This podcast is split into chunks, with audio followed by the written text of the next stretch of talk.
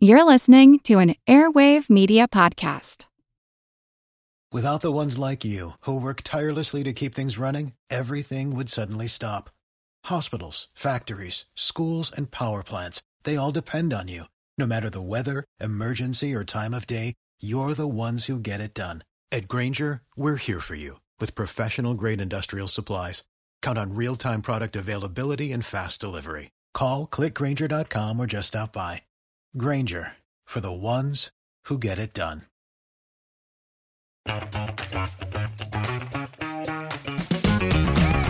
Hey there, I'm Dylan Lewis, one of the hosts of Motley Fool Money. Each weekday on Motley Fool Money, we talk through the business news you need to know and the stories moving stocks on Wall Street. On weekends, we dive into the industries shaping tomorrow and host the experts, authors, and executives that understand them. Tune in for insights, a long term perspective on investing, and of course, stock ideas. Plenty of them. To quote a listener, it pays to listen. Check us out and subscribe wherever you listen to podcasts. This is Kick Ass News. I'm Ben Mathis.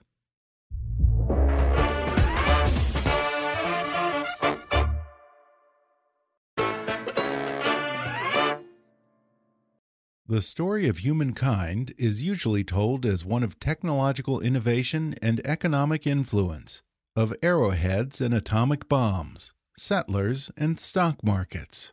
But behind it all, there's an even more fundamental driver food. In his new book, Animal Vegetable Junk A History of Food from Sustainable to Suicidal, James Beard Award winning food writer and number one best selling author Mark Bittman offers a panoramic view of how the frenzy for food has driven human history to some of its most catastrophic moments, from slavery and colonialism to famine and genocide, and to our current moment wherein big food exacerbates climate change, plunders the planet, and sickens its people. And today, Mark Bittman joins me on the podcast to give a brief history of man's relationship with what we eat and to point to activists, workers, and governments around the world who are choosing well being over corporate greed and gluttony and fighting to free society from big food's grip. Mark reveals how he first got America to take food issues seriously and how we can rethink our food distribution systems and take a different approach to feeding the world's hungry. We discuss America's junk food epidemic and how to tell junk food from real food, how government farm subsidies actually incentivize the production of food with minimal to no nutritional value, and even the surprising ecological toll that junk food takes on the planet. Plus, Mark talks about his mostly vegan diet. He weighs in on the Impossible Burger, lab grown meats, arsenic in the baby food, and his mixed feelings on President Biden's new appointment for Secretary of Agriculture. Coming up with food writer Mark Bittman in just a moment.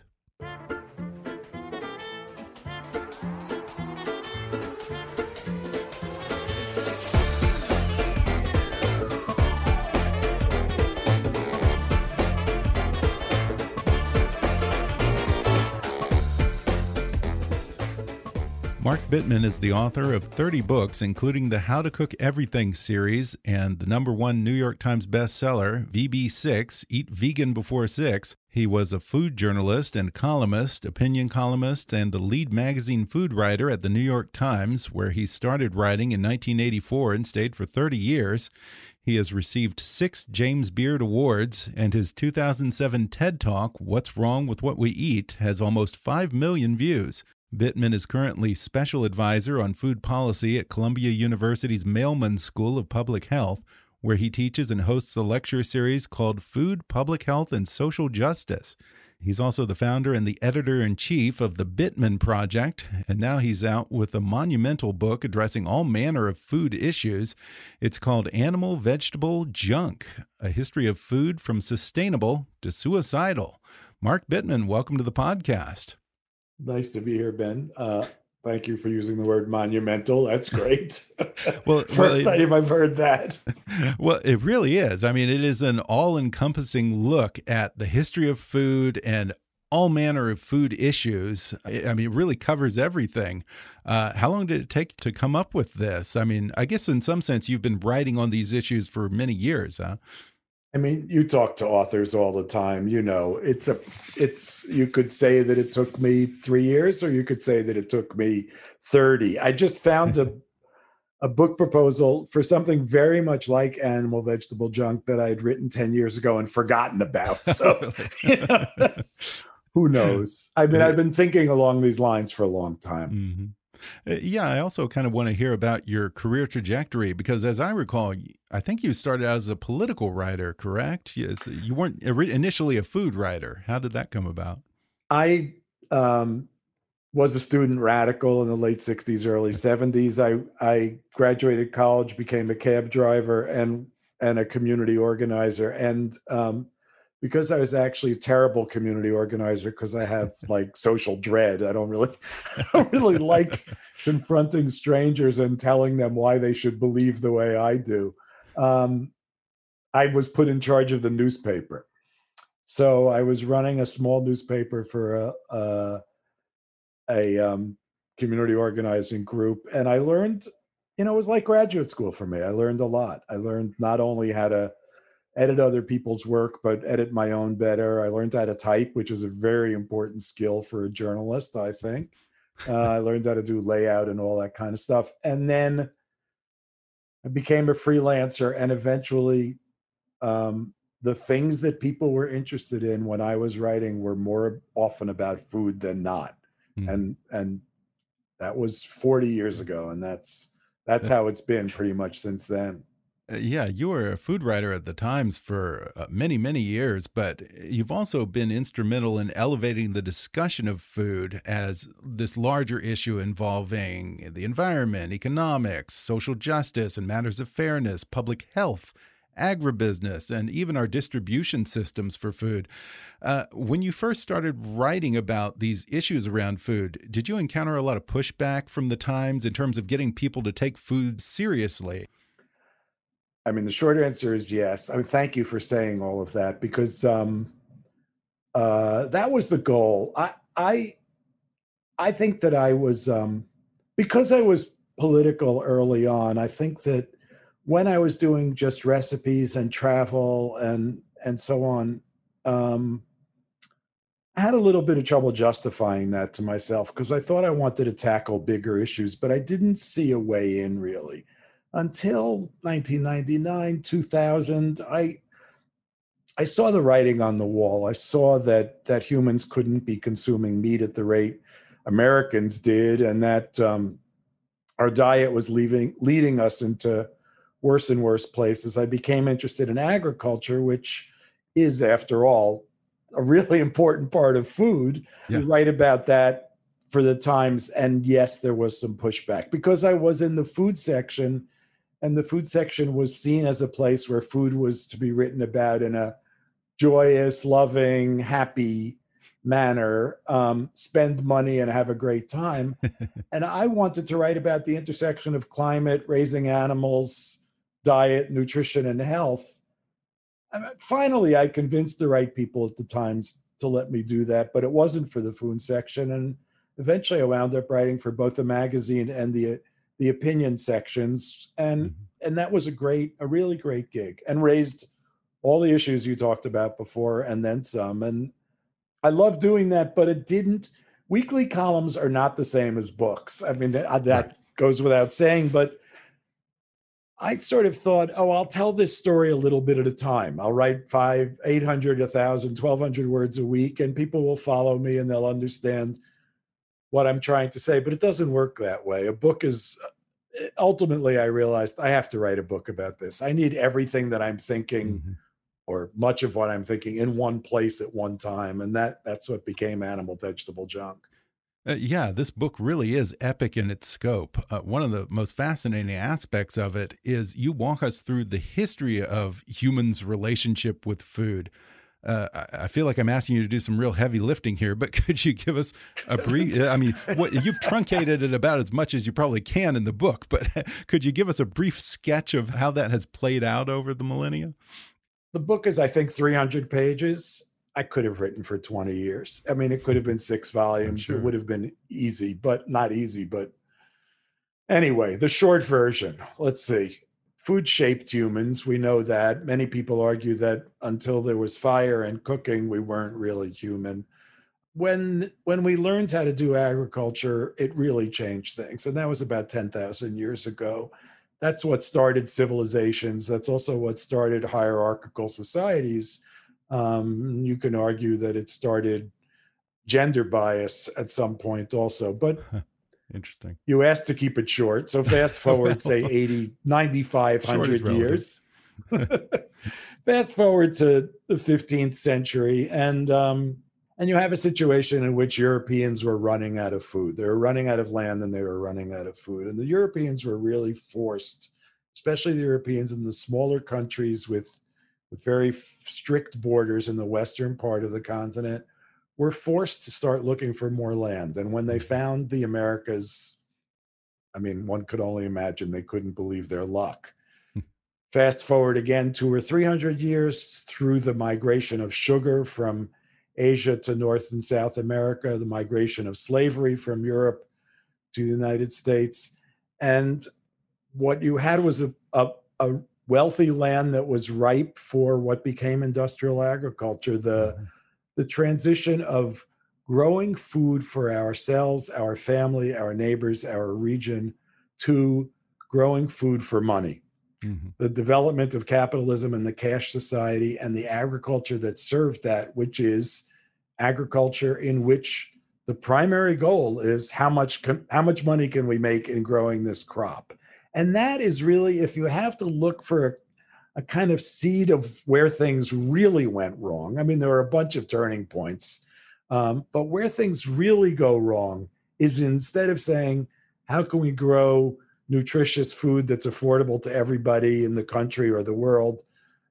We start saying, how can those of us who own the food system, own land, own processing, own distribution, how can we grow as much stuff as we can to convert into things that we can sell for as much profit as possible. That's, you know, this is not really the difference between altruism and cruelty. It's it's the difference between how you look at what food is for, how you answer the question what food is for. And if you think food is for making money, you're going to wind up with a, a really different food system than if you think food is for, let's say, promoting health and well being. Mm -hmm. now, I think it was Jared Diamond who said that agriculture is the worst invention ever made. Yep, the biggest mistake in the haste in the in the right. history of the human race, he right. called it. You seem to kind of make the case for him in this book because you point out how food has led to war and slavery and colonialism. In fact, you know, I, I think in, in, my mind, I tend to think of European colonialism as being more about natural resources and mineral resources, gold and lumber and that sort of thing. But I don't think that there's as much conversation about the fact that British and Dutch and French colonialism in Asia and Africa and South America was also about tea and sugar and all kinds of these food crops. Well, and land. I mean, land for animals to graze, land to raise crops, and absolutely luxury goods for mm. sure. You know, there's no there's no going back. We can't we can't fix what's happened. We can only look forward. So you can make this very fun argument, and I get into it a little bit, that agriculture was a huge mistake. And you can reveal this, this, I think, fascinating history of how food has helped shape humanity where we are right now Mm-hmm. But the real questions are what does it look like at the moment and how do we how do we move forward and how do we move forward in a positive way? And and the book is kind of divided into into those sections, how we got here, where we are, and where we're going. Well, yeah, let's talk about where we are. You talk about addressing food as a public health crisis in this book. And you say in here, amazingly, that over 60% of the food that we consume is junk food. Now, how do you define junk food? What is that? Well, is it, is it the old, um, was it that Supreme Court decision about pornography? That, oh, right. yeah, I can't say what it is, but I know it when I see it. Right. I mean, we all know what junk food is when yeah. we see it. It's not uh, all food is processed, but the mm-hmm. question is when when is it processed beyond recognition mm-hmm. as food? Um, so you can say it's got more than five ingredients. You can say your grandmother or your great grandmother wouldn't recognize it as food. You can okay. say it contains ingredients that you've never heard of. You can say it contains ingredients that would never be in your kitchen or you wouldn't know what to do with if they were you could say it's all of those things but really we know what junk food is and that that 60% statistic that the 60% of of calories uh, sold in the united states are ultra processed food or junk food that's an important statistic because it, it means that 60% of what we eat is non-nutritious. If you look up the definition of food in the dictionary it says it's a substance that supports nutrition. That begs the question what's nutrition? So you look up nutrition and it says a substance that supports health. Well this food so-called food doesn't support health. It supports the opposite of health which makes it closer in definition to poison than it does hmm. to food. And if 60% of our calories as a society are closer to poison than to food no wonder we have a public health crisis. Yeah I mean, where do you draw the line in terms of what's junk and what's not? Because you know there there are processed foods that might to some people seem like something natural, like Wonder Bread. I mean, is that junk food? Yeah, for sure. There's a way in which the degree of processing is important. So you can look at an apple, you can look at applesauce, and you can look at apple juice. And okay, and no one's going to argue that an apple isn't good for you, but but people who understand endocrinology, the digestive system, and so on will argue that apple juice is bad for you. So, is apple juice junk food? I don't know. Sort of. Is Coca Cola junk food? Yeah, we mm. get that. Are they roughly equivalent? Well, they kind of are. I mean, so apple juice comes from natural products, but it's so highly processed that your body treats it pretty much the way that it treats Coca Cola. Mm-hmm. And similarly, your body treats white bread pretty much the same way as it treats a sugar mm-hmm. cookie. So we could go on. The whole notion of making food palatable, sweet, exciting has also been a marketing ploy for for selling food in which we've turned breakfast into dessert, we've turned lunch into fast food made of mushy stuff that's that is really not good for us and we've turned dinner into taco night, pizza night, and so on. And mm-hmm. you know, so little of this stuff has any relationship to the food that's grown in soil, tended, cared for, and and you know, really doesn't need a label. I mean, real food doesn't need labeling because real food we we know what an orange is, we know what True a piece of meat is.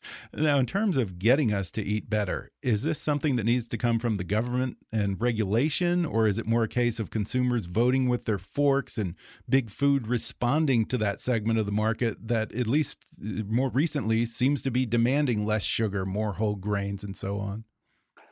You know, I think it's both. I we our food preferences are shaped when we're young. So I'm and very young. I mean, there's even evidence that food preferences begin to be shaped in utero. But let's just say that by the time you're four or six, your food preferences are pretty. And we all know that because we, especially in the COVID era, we all know the food that we've retreated to when we're feeling bad or frightened or upset in any way.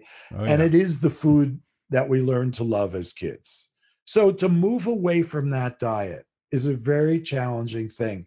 And anyone over the age of 20 can attest to that. Everybody knows what a good diet is. If I say, What's a good diet? The image that forms in most people's heads is less junk food, more plants, fruits and vegetables, and so on, fewer animal products, way less sugar. Everybody sort of thinks along. But that's not what your that's not what your habits tell you. That's not what food marketing tells you. And it's not what the what your preferences born in childhood tell you. So how do we get away from that? So, yes, some of us have the abilities to change the way that we eat. Not everybody does. Some of us have the ability to change the way that we eat, and we can change our buying habits and we can influence what's sold to some extent. But not everybody does have those. And I like to say if we want a generation of healthy 40 year olds, we have to raise a generation of healthy four year olds. We have mm. to start teaching children what good food is and feeding them good food in schools and at home. But I think especially in schools because we can do it there. I mean, maybe scientifically is not the right word, but we can do it rationally in schools. Whereas we can say this is what a good diet is, this is what a good school lunch would look like, and we can work towards that. It's harder for individual parents to yeah. do that. Yeah. So we do need, as with so many of our big issues, we do need government involvement here. We need regulations around marketing junk food to children, or we need regulations around school lunches. We need to um, look very carefully about how we're raising animals, how many we're raising, and what the environmental impact is. We need to look at pesticides and other poisons in the environment. There's just so many things that yeah. individuals can't do. We're going to take a quick break and then we'll return with more when we come back in just a moment.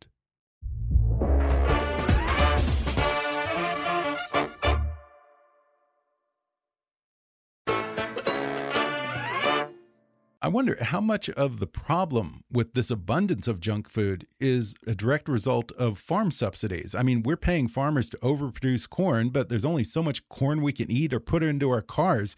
So we have Twinkies and sodas and all this other stuff. I mean, you're exactly right. So then to go back to your other question, how do consumers affect that? Sure, we can we can eat fewer Twinkies, but the real question is look, I growing food for millions of people, hundreds of millions of people, billions of people. That's not an easy thing to do. No. And it costs money, it takes energy, it takes people, it takes land, obviously, water. This is not a simple thing. We have chosen to subsidize, we have chosen to support a kind of agriculture that produces food that's not good for us and it's not good for the land. Corn is a perfect example, obviously how do we shift those subsidies to saying we want to grow food that's good for people? We want to grow food that doesn't destroy the lands. We want to grow food that doesn't require so many pesticides that that I, I, don't know. I think we've used a pound of DDT in the 50s. I think we used a pound of DDT for every person on Earth, and that kind of that kind of thing continues. How do we make that transition? And I, I think the answer is little by little, but I think we have to have a mm-hmm. some kind of vision of where we want things to go. And it, yeah. it goes back to the question of what's food for? Is are we growing corn so we can make ethanol? Because that's just the silliest thing. Ethanol's not even a particularly efficient fuel. Right. So it's just like it's a direct subsidy of corn farmers. What's the point? How is that yeah. doing anyone other than the corn farmers any good? Uh, yeah, and it's interesting that we don't subsidize fresh fruits or vegetables. We're subsidizing grains and soy, which can be stored for months and months and months. You know, it seems to me that we should be subsidizing these healthy alternatives like fruits and vegetables, which actually have a spoilage factor. So there is an urgency. They they probably need subsidy more than anyone. Well, good point. I mean, you know, there's nothing intrinsically wrong with corn and soybeans. Soybeans, especially, right. are super healthy food we don't eat soybeans. We don't eat edamame in any quantity. We eat chicken McNuggets, which are chickens that have been fed corn and soy, breaded with corn and fried in soy. I mean, it's it's it's a perfect storm in a way of of of disastrous food stuff. So, you know, what we subsidize determines what we grow. What we grow determines what we eat. Mm-hmm. It it does come full circle and we have to there's nothing wrong with growing grains. The problem is that corn and soy and wheat and rice in their whole form actually do spoil. And that's what in the 19th and 20th centuries what happened was ways were found to strip those grains they're called grains even though they're not all grains to strip those grains of the things that made them spoil. And that's how you got mass production of white flour for example or white rice, neither of which is anywhere near as good for you as brown flour or brown rice, but both of which will keep forever. So that that was sort of the thing. It's like how do we how do we take wheat and turn it into a form that we can store not for months, for years? And hmm. the answer was take away the bran and take away the germ. Well, that's where the nutrients are. Yeah. So you've turned hmm wheat, which is a perfectly healthy food, into something that does nobody any good except for the people who grow it and process it. Well, speaking more about the government end of things, uh, Tom Vilsack is now returning to the post that he held during the Obama administration as Secretary of Agriculture. Uh, I think a lot of people had high hopes that he he would have done more on the regulatory side in his first tour of duty, so to speak. Were you disappointed and are you optimistic that things might be different this time around? Great question, Ben. Um, I was one of those. Uh, I started writing my opinion column very shortly after Obama was elected. And the argument then was there's some low hanging fruit here. There's some things that a Secretary of Agriculture and a Secretary of the FDA and the President can do, don't even require the approval of Congress. We can really make the food system better. For example, taking antibiotics out of the routine, routinely uh, administered feed of industrially produced animals. You can you can make antibiotics so that they're only used when an animal is sick, and you can do that by edict, and you can do it easily. The Obama administration, Vilsack, did this, did it more as a um, a voluntary system for food producers. So, mm. of course, if you make something voluntary in the business world, it doesn't happen. So. Right um, yes, they were disappointing. Vilsack, in in many ways, was disappointing in many many ways, and uh, a lot of us had higher hopes for Biden's pick, and and were disappointed when Vilsack was was uh, named again, nominated again. He has sent out better signals to the extent where some okay. people are calling him Vilsack the second. So he has made noise about about doing things better in the food system. And I you know, he's gonna be the Secretary of Agriculture. We've got to give him some time to see if he is going to do things better than he did the first time around. We have and we have to hold his feet to the fire to make sure he does it's too early to say we hate his guts. That's for sure. right. I've heard your name before, eh, and I've seen some of your articles, but I think the first time that I really became aware of you was a few years ago when I uh, actually last time I spoke with Anthony Bourdain about his documentary Wasted. And one of the interesting statistics that I got from that that just floored me was that more than 30% of crops are wasted. Uh, they either don't make to the grocery shelves for various reasons, whether they're not visually appealing, or in a lot of cases, we only use a, a very small percentage of the actual plant. Uh, it makes me think of Brussels sprouts. We take the sprouts and then we throw out the stalks. How do we address that? What's the secret to getting farmers to lower that percentage, or is it more on the consumer end? Uh, is a matter of you know Mark Bittman needs to make a, a cookbook about how to use the parts of vegetables that we don't use and meats as well. Uh, there are a couple of good cookbooks like that, actually. You know, I was in that documentary, and I told them I was going to have a different attitude about food waste than anybody else they talked to, and I do.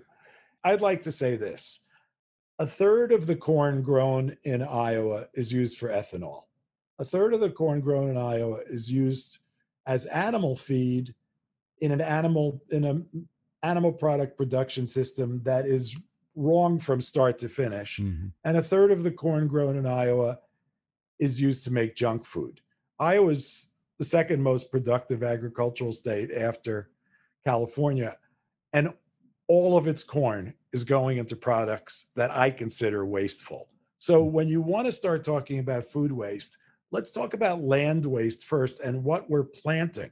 Because if that all of Iowa were planted in Brussels sprouts and you threw away all the stalks, you'd still be in way better shape than you are now. So it's not interesting. This is not the consumer's fault. This is not about what's being dropped off the truck or left to rot in the fields. Agriculture, as I said, is hard producing food is hard. Yes, people overbuy. Yes, people don't finish what's on their plate. All of that could be addressed and and so on. But the question is, what are we planting? Are, are is what we're planting good for us and good for the environment? And the answer is often no. I don't know how you could find anything more wasteful than mm-hmm. that situation. Yeah. What do you say to a lot of people who say that these issues, they're really first world problems? The U.S. has the luxury of thinking about the environment and healthy eating and things like locally sourced ingredients and organics. But for much of the rest of the world, they're just concerned with getting food in their bellies. Well, a billion people are hungry. Um, wow. Or, and it's a lower percentage than it's been in a long time. And it's actually 800 million. A billion is a roundup. So, um, yes, people are concerned about getting food into their bellies, but but over two billion people are malnourished in the sense that they're eating calories um, that aren't good for them. so the United States is not the only country in the world that has problems with diet, but we are the source in a way of bad diet. We've exported the American style of agriculture and the American style of eating first to Western Europe, then to Mexico, Central and South America, now increasingly to Asia, um, because we are in the, for better or worse, enviable position of being world cultural leaders. What we do matters in many ways, but also as world economic leaders, we're able to force our will. I'm not talking about you and me, but our corporations, American corporations, or let's say multinational corporations, have exported this style of agriculture and this style of eating to the rest of the world and basically said, if you want to be a part of the world economic community, you need to be doing agriculture the way we're doing agriculture. And that means mm-hmm. buy big machines, use hybridized seeds, use pesticides, do monoculture, enter the world of growing crops for sale to make money. And then re- there's this theory, you know, it's a neoliberal theory. I'm sure you've talked about it with people who know way more about it than I than I do. But there is this theory that everybody should be producing what they produce best. Mm-hmm. And yet if you make it so that Mexicans are forced to buy American corn, you put Mexican farmers out of work. And what are the, you're not creating work for those Mexican farmers. So all you've done is succeeded in destroying a way of life mm-hmm. on the altar of cheap corn. And that doesn't make any sense. And a lot of this goes to the global food distribution systems that we have. And the pandemic has really exposed dangerous insufficiencies in those systems how do we resolve those? Well, the argument is that we resolve them by relying more heavily on regionally produced food, and and mm-hmm. rather than creating an an international economic food system, again, one where maybe the United States, Brazil, and Russia supply the the majority of corn and soybeans, support people in growing what grows well on their land, what their traditional foods are, what feeds their people, and create a robust regional food system and a robust regional economy that can survive stresses like COVID and like climate change, which is which is affecting agriculture already and will do more and more of that as the years go by. And on the environmental front, uh, a little while ago, I had Chef Magnus Nilsson on, the chef from Fäviken in Sweden, and he is Mr. Sustainability, who is one of the pioneers of locally grown ingredients and so on.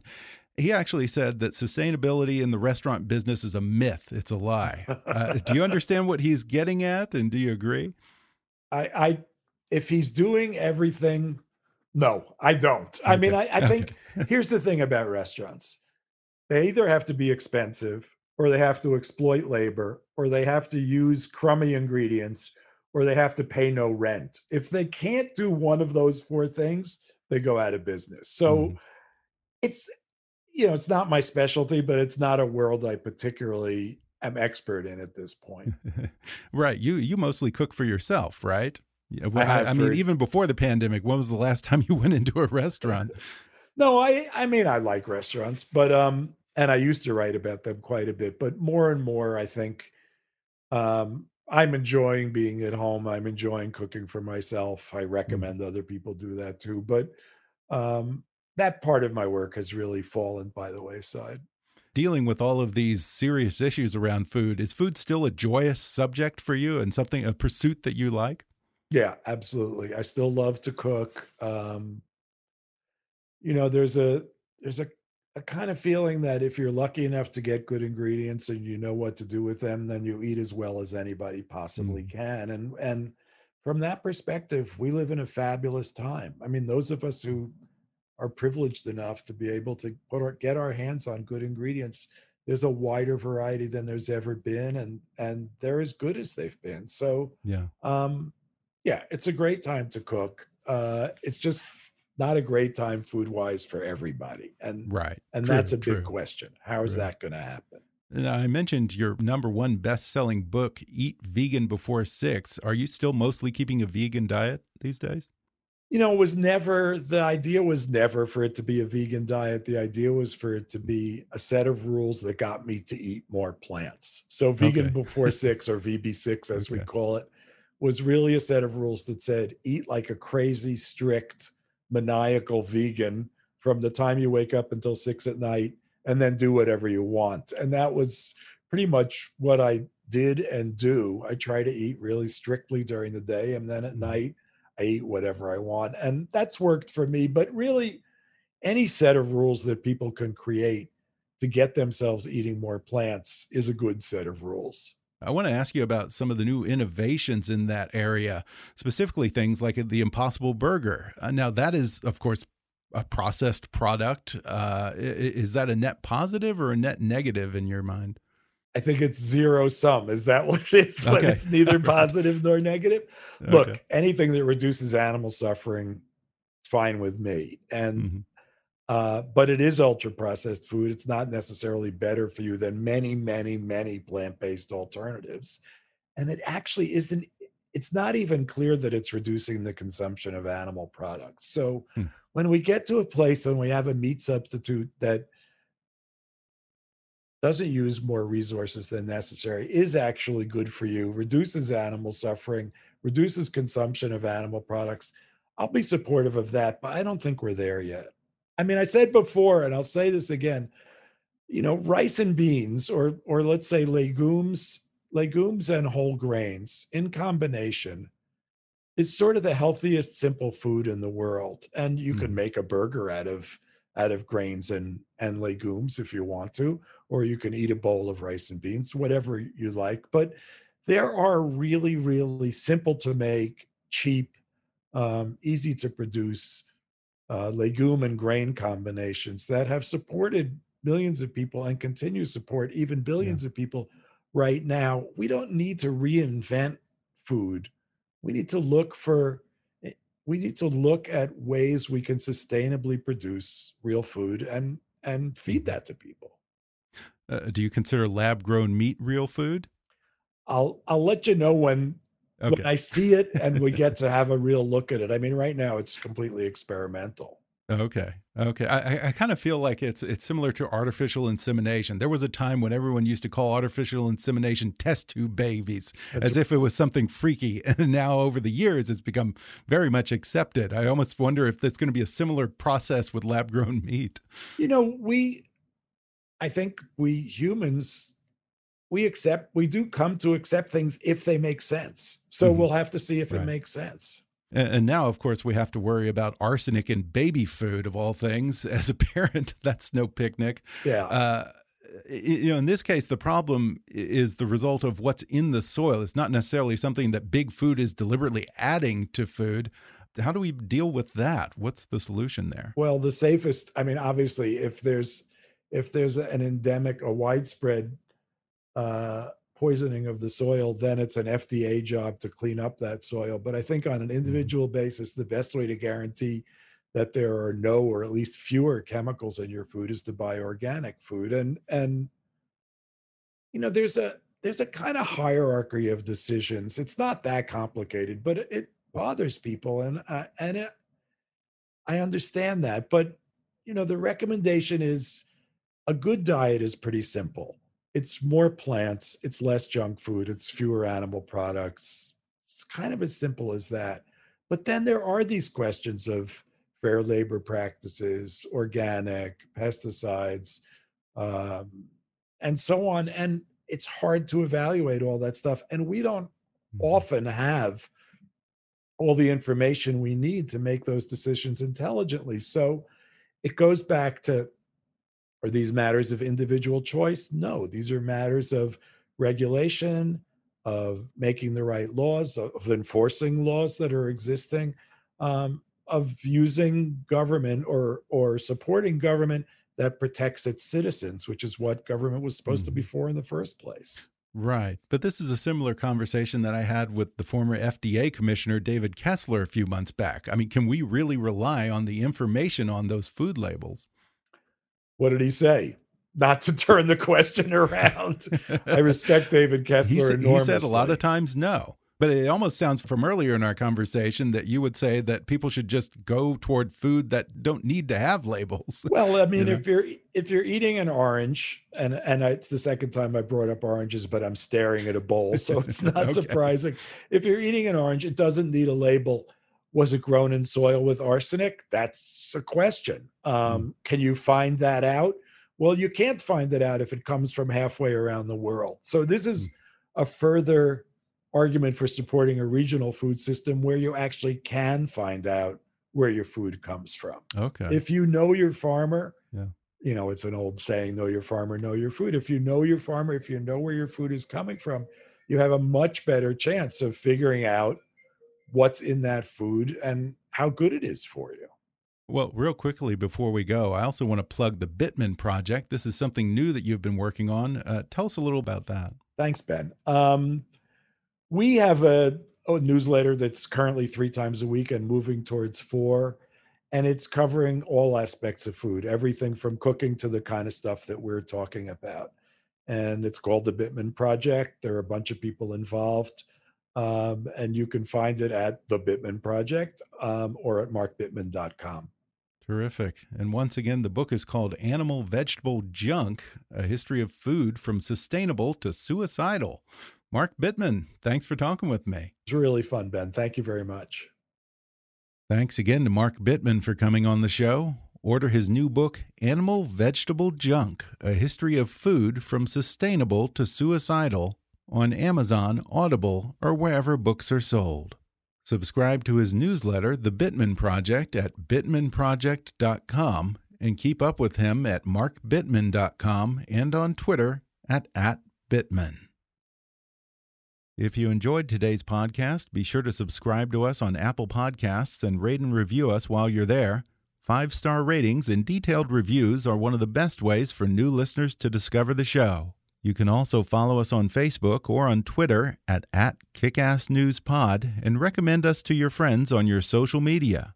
For more fun stuff, visit kickassnews.com, and I welcome your comments, questions, and suggestions at comments at kickassnews.com.